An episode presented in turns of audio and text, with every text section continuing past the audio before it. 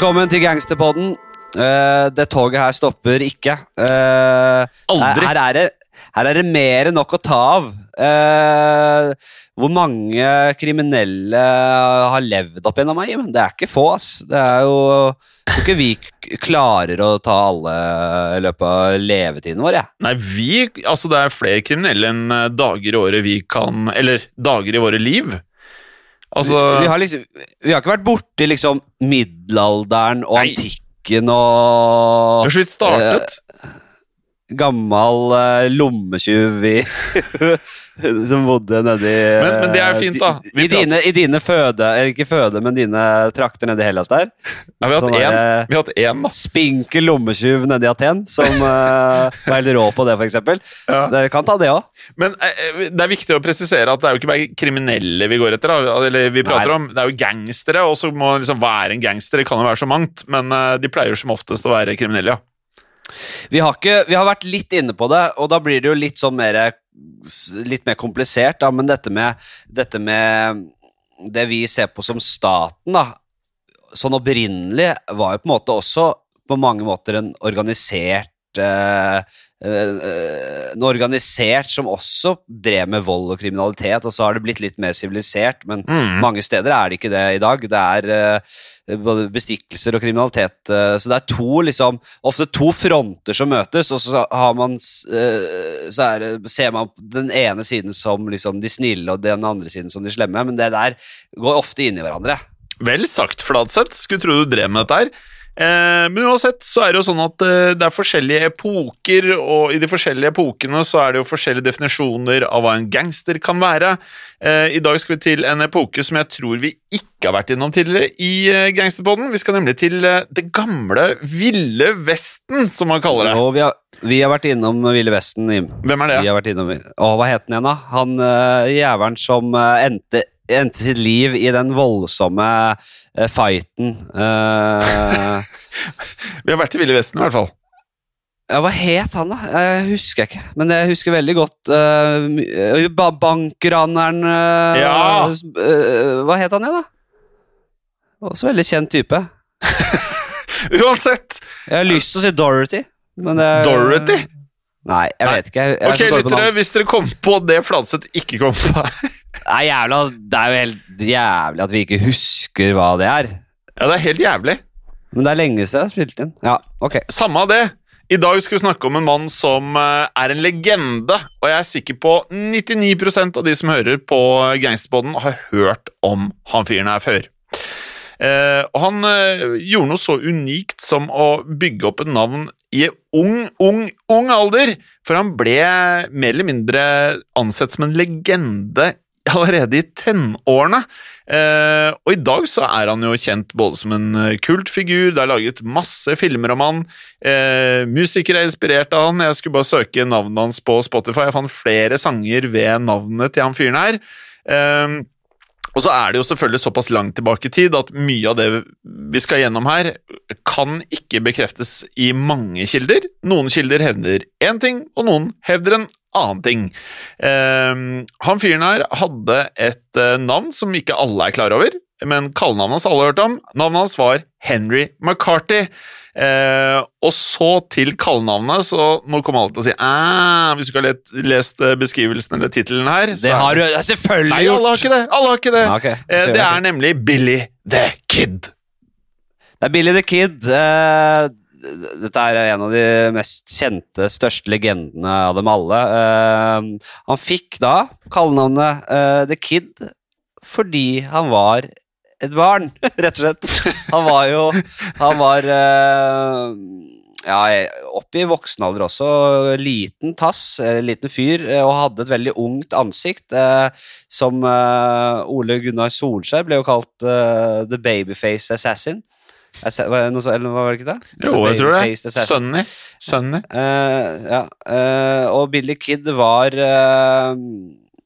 rett og slett bare sent i tenårene når, eh, når han ble kjent. eh, da han ble kjent, Så det, det gir jo men, veldig mening at han ble kalt The Kid også. Eh, og for å understreke hvor kjent han var og er.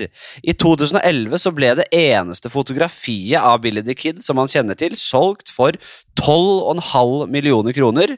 Eh, og det var nesten seks ganger så høyt som det opprinnelige budet på auksjonen der det ble solgt. Ja. Og dette er et veldig kjent motiv. Eh, eh, man finner det overalt på Google. Guttungen står på bildet med en slags eh, flosshatt og noen fillete klær, med et ganske slapt uttrykk i fjeset.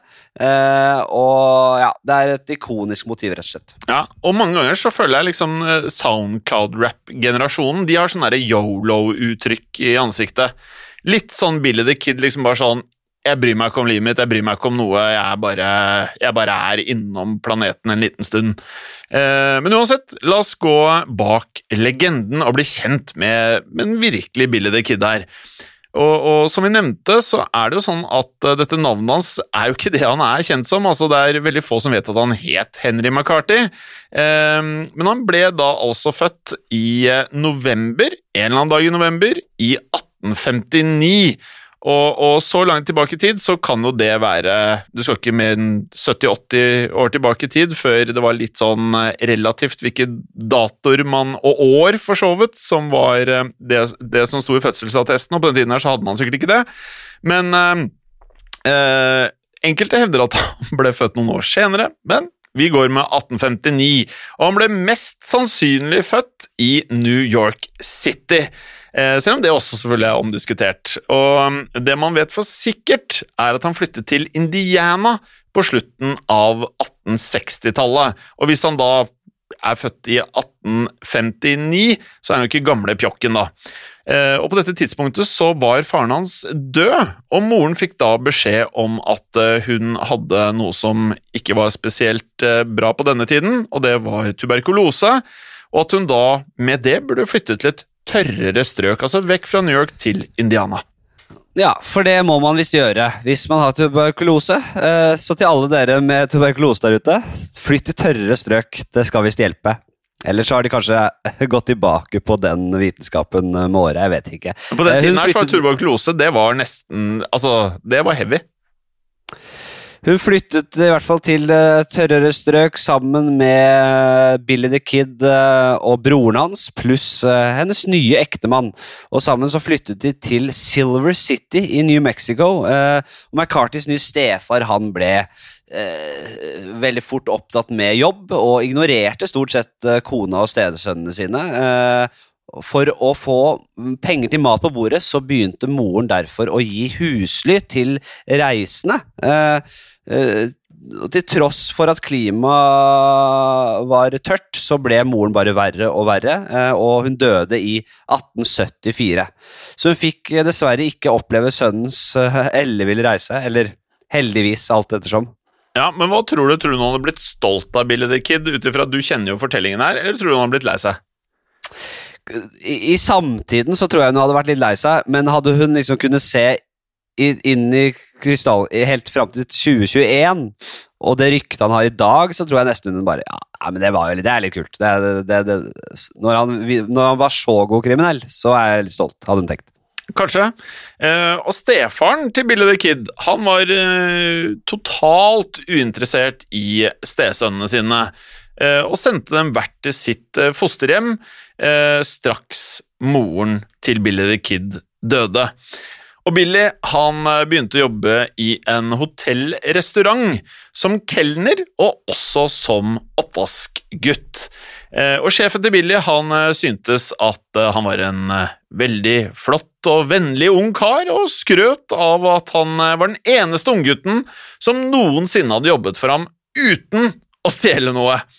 Eh, og Lærerne til Billy meldte også at han aldri skapte noen former for problemer, og at han alltid var villig til å hjelpe. Ja, Så han virket uh, tilsynelatende ikke som en gutt som eh, kom til å bli en hardbarka kriminell, men det endret seg den angivelig den 23. september 1875. Eh, da hadde han nemlig gjort en avtale med en lokal småkriminell da, kalt Sombrero Jack. Vil jo tro at han gikk med sombrero, da. Og det er rått.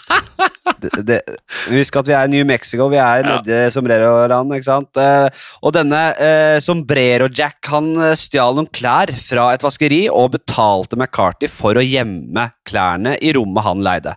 Men eh, Billy the Kids utleier oppdaget eh, etter hvert hva han holdt på med, og, og meldte ham til politiet, som arresterte eh, Billy, rett og slett. Jeg bare lurer på den tiden her, så jeg, jeg kan ikke se for meg at det liksom sånn eh, Du hører om sånn designerklær som bare koster sånn vanvittig mye penger. Nå koster noen av de designer Nike-skoene sånn 70 000-100 000 kroner. Altså, hvor hissige klær, eller hvor mye penger kunne du faktisk få for å gjemme noen sånne halvslitne klær? Det høres jo ikke ut som noe voldsomt lukrative greier, men jeg tror altså klær i dag ble masseprodusert. Jeg tror det var mer eksklusivt på den tiden. Altså. Jeg tror det fort kunne Ja, det vært ganske kostbare, kostbart. Altså. Ja. Det var håndlaga, vet du. Men, ja, men- alt var håndlaga. Ja, ja. ja. Men uansett, han, han, han fikk jo ikke noe sånn voldsom uh, med straff for å, å i gåstein ha gjemt vekk noen uh, klær. Men Billy var eh, likevel ikke særlig um, interessert i å sitte i fengsel. For to dager etter at han eh, ble hevet inn i en eh, celle, så fant han uh, ut en måte å rømme på. Og eh, som man da skjønner, han var jo en unggutt, og han var også liten av vekst og også tynn. Og han klarte da rett og slett å klatre opp og ut gjennom en fengsel, Altså en pipe i fengselet. Ja, øh, det er klart han gjorde det. Eh, og fra den dagen så var jo Uh, McCarty, som han opprinnelig het, men vi kaller han Billy the Kid. Billy the Kid var på rømmen, og han rømte til den sørøstlige delen av Arizona, der Ja. han fikk seg jobb som uh, sauegjeter og sånn generell eh, gårdshjelp, gårdsdrift. Og i 1877 Vi skriver 1877, så fikk han seg eh, jobb på en militærbase, der han skulle dra tømmer fra skogen og til et sagbruk. Men smeden på militærbasen, han var en jævel, og han likte ikke Billy the Kid. Eh, og faktisk hadde, bestem, eh, hadde smeden bestemt seg for at eh, Billy the Kid var den perfekte, det perfekte offeret for drittslenging. Så han hersa med og plaget gutten konstant. Eh, så smeden han eh, var en ordentlig pine for, eh, for vår, vår gutt, vår mann, Billy the Kid. Jeg kan liksom se for meg i gamle dager Altså Nå er det sånn herre Det er mye sånn eh, Ja, stopp eh, mobbing, og, og man skal passe på de yngre. På den tida her jeg tror ikke det var mye, det var mye omtanke lagt i en sjef som eh, mobba en liten valp. Nei, her var det spis, spi, spis eller bli spist. Ja, ja, ja. Og dette ulmende forholdet Flatseth, det utviklet seg for hver eneste dag for Billy og denne smeden, da, mot det verre. Eh, og Billy hadde da i denne perioden også fått tak i, eh, eh, som ikke var uvanlig i Det ville vesten, han hadde fått tak i en eh, pistol, altså en revolver. Eh, og da var det en dag hvor eh, smeden eh, tok tak i Billy og kasta han i bakken. Og nå hadde Billy rett og slett fått eh, nok. Så rett før denne smeden skulle nå kaste seg over Billy, som eh, lå på bakken, så dro Billy frem pistolen og skjøt smeden. Og eh, smeden han ble så hardt skadet, han døde ikke momentant, men skal ha dødd dagen etter av skadene fra Billy. Tror du Billy ikke håpa på at han skulle stryke med, eller? Den rasende smeden uh, ville han, øh, vil han ikke ha etter seg. Så, men han tok øh, kvelden til slutt, dagen etter altså. og nå hadde Billy Kid gått fra å være tyv og klessmugler til å bli morder. Mm. Eh, og militærpersonalet på basen stengte han inne i ja, kakebua, er det ikke det man kaller det? I Kakebua? påvente- Ja, vaktbua. Fengselsbua. Ja. I påvente av marskalken, altså en type politi på den tiden. Eh, eh, men de rakk jo aldri å pågripe Billy, for han klarte å rømme igjen. Han kom seg til New Mexico, men nå hadde han jo blitt ettersøkt. eh, og det var jo heller ikke mulig for han da å finne ærlig arbeid. Og Billy han hadde ikke noe åpenbart sted å dra. Eh, og det var eh, risikabelt på denne tiden å reise rundt på egen hånd, og nå var han jo også blitt lovløs. Og derfor, så noe motvillig, så ble han eh, med en gjeng med andre kriminelle, som da var en gjeng kalt The Boys. Ja, og det Mange har kanskje sett den superheltserien på Amazon Prime med samme tittel, The Boys. Du har sett den, Jim? Ja, jeg har Du sett elsker den. serien? Ja, eller har, jeg har ikke Ikke sett alt. Eh, jeg har ikke sett alt, det har jeg ikke. Nei, det er ikke vits i å gjøre heller. Dårlig serie. Irriterende serie. Det er min mening. Eh, og i motsetning til mange andre berømte western-gangstere, så inneholdt ikke Billy the Kids kriminelle karriere ran av tog, banker, hestevogner, slik vi er vant til. Eh, Billy og The Boys drev stort sett med eh, tyveri og videresalg av kyr. Ja. Eh, men det var mye annet. Det, var litt skyting, og det var ikke så kjedelig som det Men- høres ut. Men, men det å stjele kveg eller annet husdyr, det var faktisk en veldig vanlig kriminell handling i de tider, da. Akkurat som å stjele Ja en bil i dag. De starta i hvert fall med, med de tinga der, og, og, men året etter, altså i, i 1878, så skulle Billy bli eh, virkelig kjent som en farlig mann som kunne behandle en eh, revolver. Han og et par andre ble nemlig leid inn for å beskytte en stor ranch som tilhørte en engelskmann ved navn eh, John Tunstall. Tunstall. Uh, og, og, og, og der drev uh, Der drev han Tunstall da med kjøp og salg av, av, av kyr. Ja, og Grunnen til at Tunstall trengte menn som Billy the Kid, var rett og slett fordi han hadde havnet i uh, et klammeri med to eh, menn av irsk opphav ved navn James Dolan og Lawrence Murphy. Eh, og disse tre var da i en enorm konflikt som er blitt ganske kjent i seg selv. Eh, Som ble kalt The Lincoln County War. Og da føler jeg at eh, det er blitt ganske svært, ja. Ja, og vi trenger litt forklaring her. Lincoln County kom av det store fylte, fylket i New, York, i New Mexico som alt dette foregikk i. Eh, på det tidspunktet var Lincoln County det største fylket i landet, og, og dekket en femtedel av hele eh, delstaten New Mexico. Ja, og det var nettopp i dette fylket her da at eh, de to irrene Dolan og Murphy altså de drev jo da fylkets eh, eneste butikk, faktisk, eh, som da het Murphy and Dolan Mercantile and Banking. Så her har du alt eh, under ett ja. tak. Og de solgte da det, det er jo åpenbart banktjenester der også, men de solgte også da tørrvarer og kjøtt.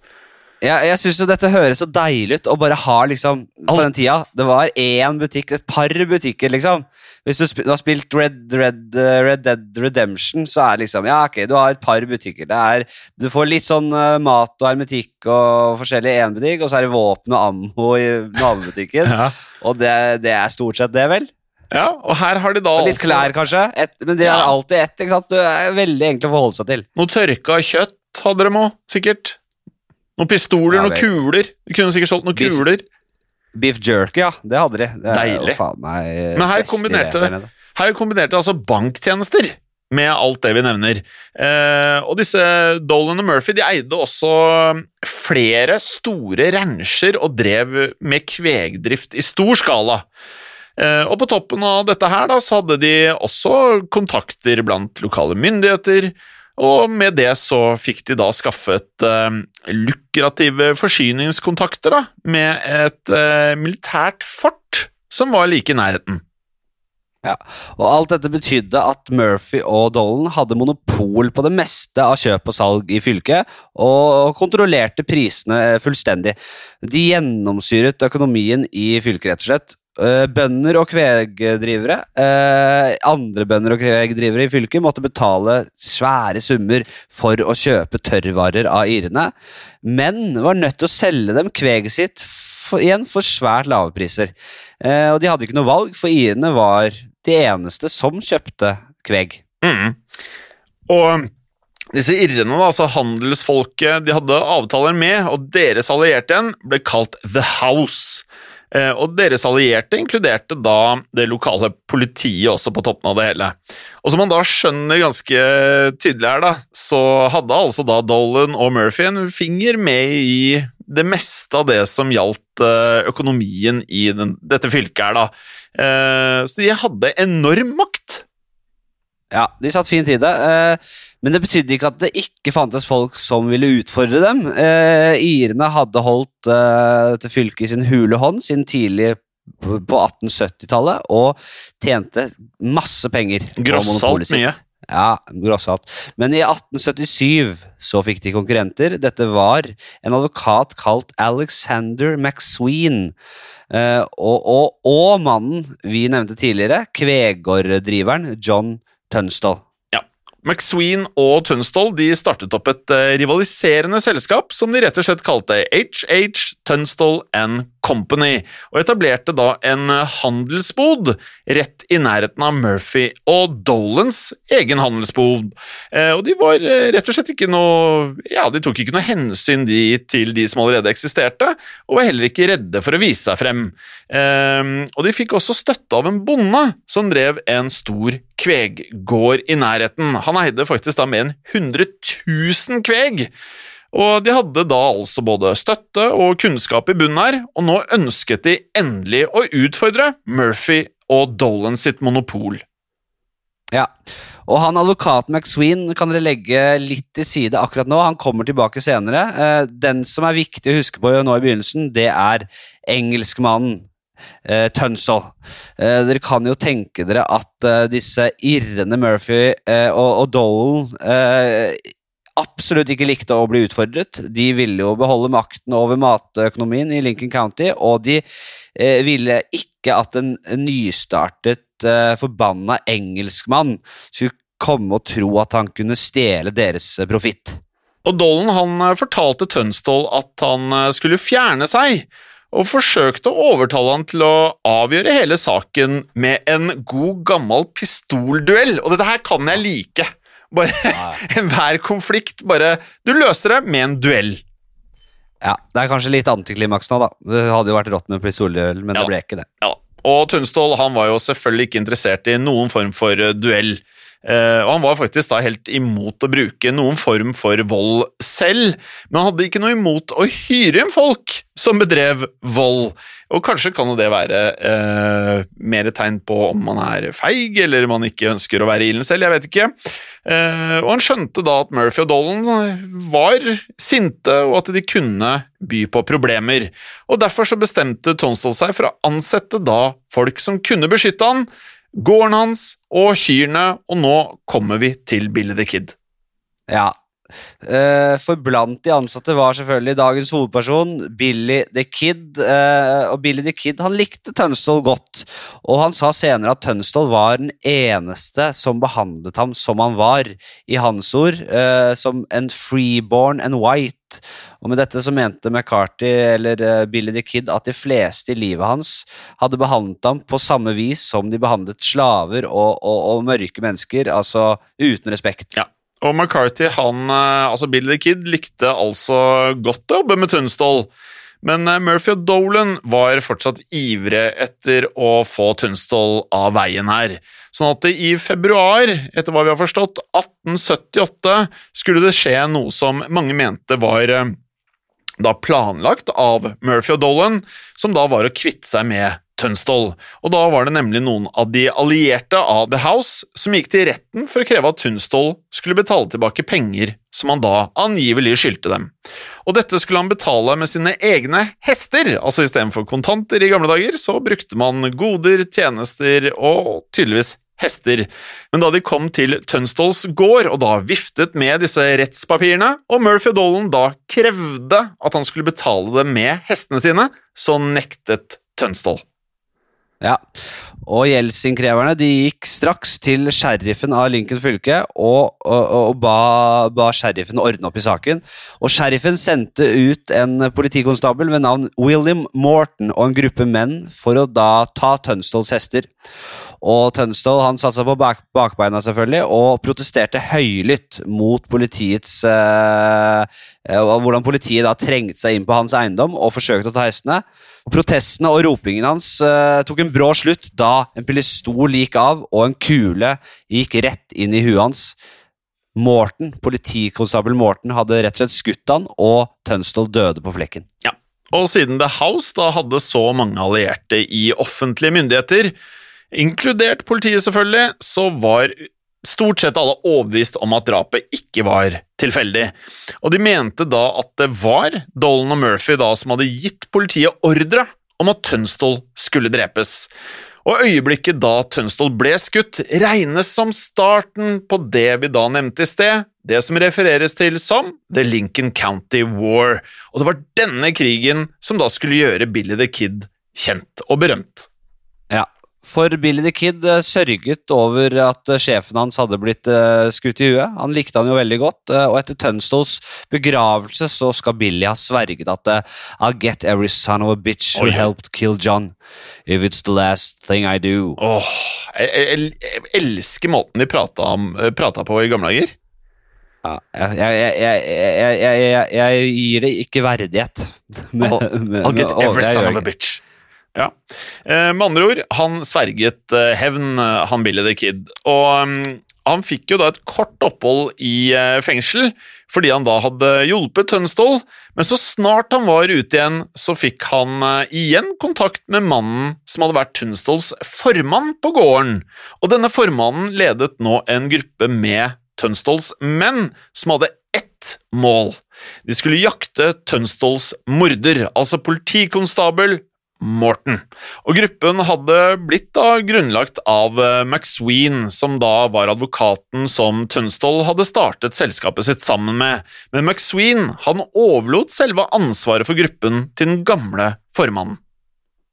Ja, og denne gruppen passet jo perfekt inn i Billy the Kids eh, planer, siden han ønsket seg eh, hevn, og derfor ble han med i, i gjengen som da kalte seg The Regulators. Ja, det liker jeg. Blant annet så har jo da um, Warren G en eh, sang som heter The Regulator.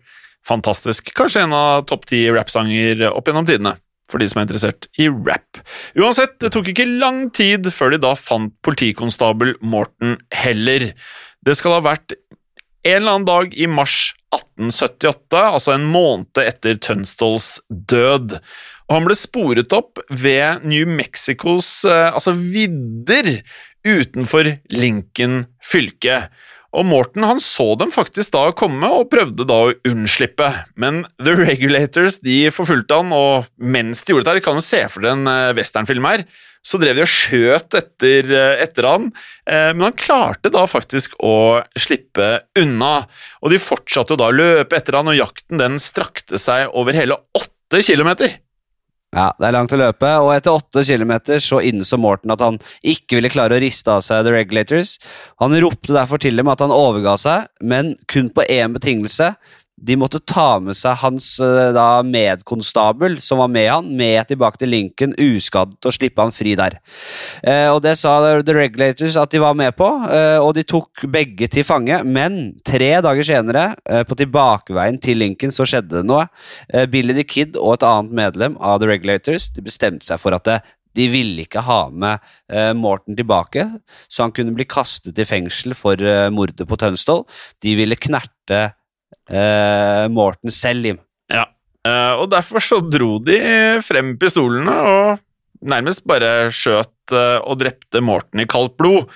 Eh, De drepte også medkonstabelen hans, som de hadde lovet da egentlig å ta med tilbake til Lincoln uskadd.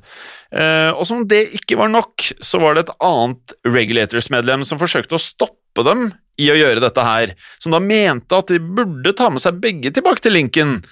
Men dette var ikke noe Billy the Kid var eh, særlig interessert i å lytte til, eh, Fladseth. For eh, Billy han endte med å skyte han som protesterte også, han. Ja. Eh, det var ingen som skulle kødde med Billy the Kid, rett og slett. Eh, men selv om Tønstos drapsmann var død, så var verken Billy the Kid eller The Regulators interessert i å legge fra seg kampen. De ville ikke bare straffe Morten, eh, de ville også straffe sheriffen som hadde gitt Morten oppdraget. Og disse gutta var svært tørste på hevn, Ja. rett og slett. Ja, de var det. Sheriffen da, som hadde sendt politikonstabel Morten for å kreve inn eh, hester, ble rasende når han hørte at The Regulators hadde drept to av konstablene hans. Eh, og sheriffen og flere av mennene hans dra, dro på leting etter Billy the Kid og banden hans. Eh, og det passet eh, The Regulators perfekt, dette her, så lenge de fant sheriffen før de ble funnet selv. Og The Regulators fant seg et gjemmested som høres veldig åpenbart ut. De gjemte seg nemlig i den store handelsboden som hadde tilhørt deres tidligere sjef Tønnestol. Eh, ikke akkurat det mest eh, bortgjemte gjemmestedet noensinne, men det eh, passet dem godt. Eh, de ville ikke gjemme seg langt unna, for de visste at sheriffen og, og gutta hans før eller siden ville dukke opp i nærheten, og da ville de være klare for dem. Og den 1. april da, så oppdaget The Regulators uh, sheriffens følge. Uh, og når de oppdaget sheriffen, så var det jo da nettopp fordi han var på, på søken her etter The Regulators. Men sheriffen var slett ikke forberedt på et bakholdsangrep fra The Regulators. Uh, og Billy the Kid og Regulators skjøt og drepte sheriffen og en av mennene hans. Ja. Eh, fra da så uh, ble Billy the Kid uh, berømt, og han ble ettersøkt for å ha tatt livet av sheriffen. Og han gjemte seg en stund for å unnslippe politiet, og livnærte seg av å stjele og videreselge kveg, som vi var inne på i stad. Det var relativt vanlig for yrkeskriminelle på denne tiden her. Ja. Men eh, nå, som vi sikkert skjønner, så er jo The Lincoln County War i full sving. Eh, og det hadde jo da brutt ut store konflikter mellom Murphy og Dolan og McSween, som da hadde startet av dette selskapet sammen med Tønsdal. Og det var eh, nå skuddvekslinger flere steder i Lincoln, og folk ble regelmessig drept. Og veldig, veldig snart da så kastet Billy the Kid seg ut i ilden igjen, sammen med The Regulators. Så McSween hadde jo nå for det meste holdt seg unna det som var av vold og de mest åpenbare delene av konflikten, og deltok mest ved å egentlig støtte The Regulators, men dette skulle endre seg da i juli 1878. Ja, nå var det på med krigsutstyret for McSween. Han hadde nå bestemt seg for å delta i kampen for alvor, og det skulle føre til det som ble kalt uh, The Battle of Lincoln. Og her snakker vi ikke om Lincoln fylke lenger, men om byen Lincoln, som da heter samme som fylket. Uh, den 15. juli marsjerte da advokat McSween, som nå hadde uh, lagt pasifistkarrieren bak seg, inn i byen med en liten hær på 41 menn. Og dette inkluderte The Regulators og Billy the Kid. Ja. Og McSweens hær her eh, vakte selvsagt eh, oppsikt, da, og det tok heller ikke lang tid før ryktet om hva som foregikk, nådde frem til Murphy og Dolan. Og det var jo selvsagt meningen også. Så The House sendte derfor sine menn til McSweens eh, hus i byen, der McSweens menn basically lå og ventet. Um, og han hadde da latt ti menn forbli i huset hans, inkludert Billy the Kid. Og de andre var rett og slett spredt utover husene som lå i nærheten. Ja, de var klare. Og da Murphy Dolans menn ankom, så tok det ikke lang tid før det ble avført skudd. Det smalt av pistoler mens eh, alle kastet seg i skjul og barrikerte seg. Eh, Og Dolan og Murphys eh, menn de klarte ikke å treffe noen av McSweens menn, men The Regulators klarte å skade og drepe fem av Murphy og Dolans menn. Eh, og dette tok ikke slutt denne julidagen, da, eh, for å si det mildt. Eh, Dette varte og rakk utover de tre neste dagene. Full Texas. Ja, det er meget. I tre dager så satt mennene på begge sider skjult rundt om i byen og fyrte av kuler mot hverandre. Mm. Men ingen flere ble faktisk Ingen flere ble truffet. Altså, det høres jo bare ut som en heftig westernfilm. Ja, ja, ja. Og det var da altså, som man nå forstår, en stillestående kamp der eh, stort sett alle bare lå i skjul og fyrte mot hverandre. Eh, litt sånn er det, Når man hører dette, her, så, og man har sett litt westernfilmer, så vet man at det er ikke, det er ikke sånn at du stikker opp huet for hver gang du skyter. Det er sånn, litt gønneren opp og fyrer av litt for å lage lyd. Det var som de ikke prøvde så hardt engang. De bare Ja. Ja, Men dette var jo åpenbart eh, noe som skapte enormt med oppstyr. Selvfølgelig, det var jo kuler flyvende i eh, alle veier her. Um, Omsider så skjedde noe kanskje litt uventet for begge parter her. For um, det kom nemlig en part som verken var på McSweens eller Murphy Dolans side. Og det har kommet til samme år 18. juli, og det var nemlig det militære kavaleriet, som da hadde hørt om hva som foregikk, og tenkte at kavaleri kommer inn for å, å få ordnings på situasjonen, da er det ganske heftig. Det var fullt trøkk i den byen der, ass. Ja, fullt trøkk, og De var, eh, de var jo egentlig litt forbanna over at de måtte ut hit for en liten konflikt med noe kveg. Ehm, Men uansett, de krevde jo da at all vold skulle opphøre umiddelbart. Eh, Og kavaleriet var jo da selvfølgelig langt flere og bedre bevæpnet enn disse gjengene, og det tok heller da ikke lang tid før de hadde fått alle rundt om i byen til å legge fra seg våpnene og ta det litt rolig. Ja, det vil si alle unntatt de som satt eh, i McSweens hus, som da inkluderte Billy the Kid. Han og The Regulators satt eh, der da, sammen med McSween den natten, men det de ikke visste, det var at noen av dem ikke ville overleve morgendagen. Det er helt riktig. Og nå, folkens, så skjønner dere at eh, vi egentlig bare starta. Eh, for eh, vi, vi kan jo ikke holde på inn i evigheten eh, i dag, så vi må rett og slett dele opp episoden. Og med det så får du høre mer om Billy the Kid i del to av episoden. Da skal vi få høre blant annet om noen vanvittige mordforsøk. Både der folk forsøkte å myrde Billy the Kid, men også der han selv drepte sine fiender og ble kjent som denne råtassen og den berømte eh, duell-cowboyen som han nå i ettertid blir ansett som. Ja. Eh, jeg må bare si at jeg elsker western, altså. Det er, eh, Det er helt rått. Den tiden der, altså. Det var eh, voldsomme greier. eh, med dueller og sånne derre eh, Sånne standoffs i de byene der, og det var, det var Nei, det er gøy. Det er gøy. Det er moro. Det er rått.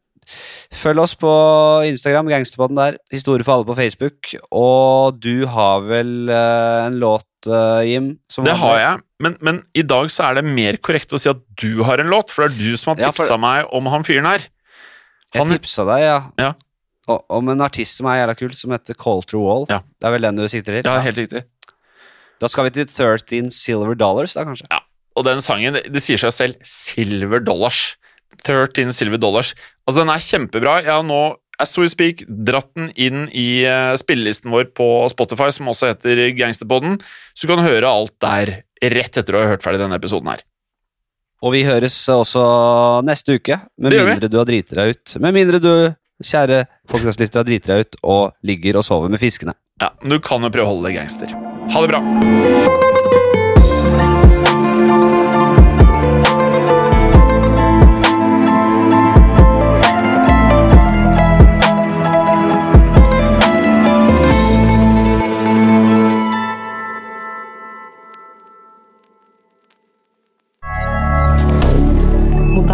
Canada.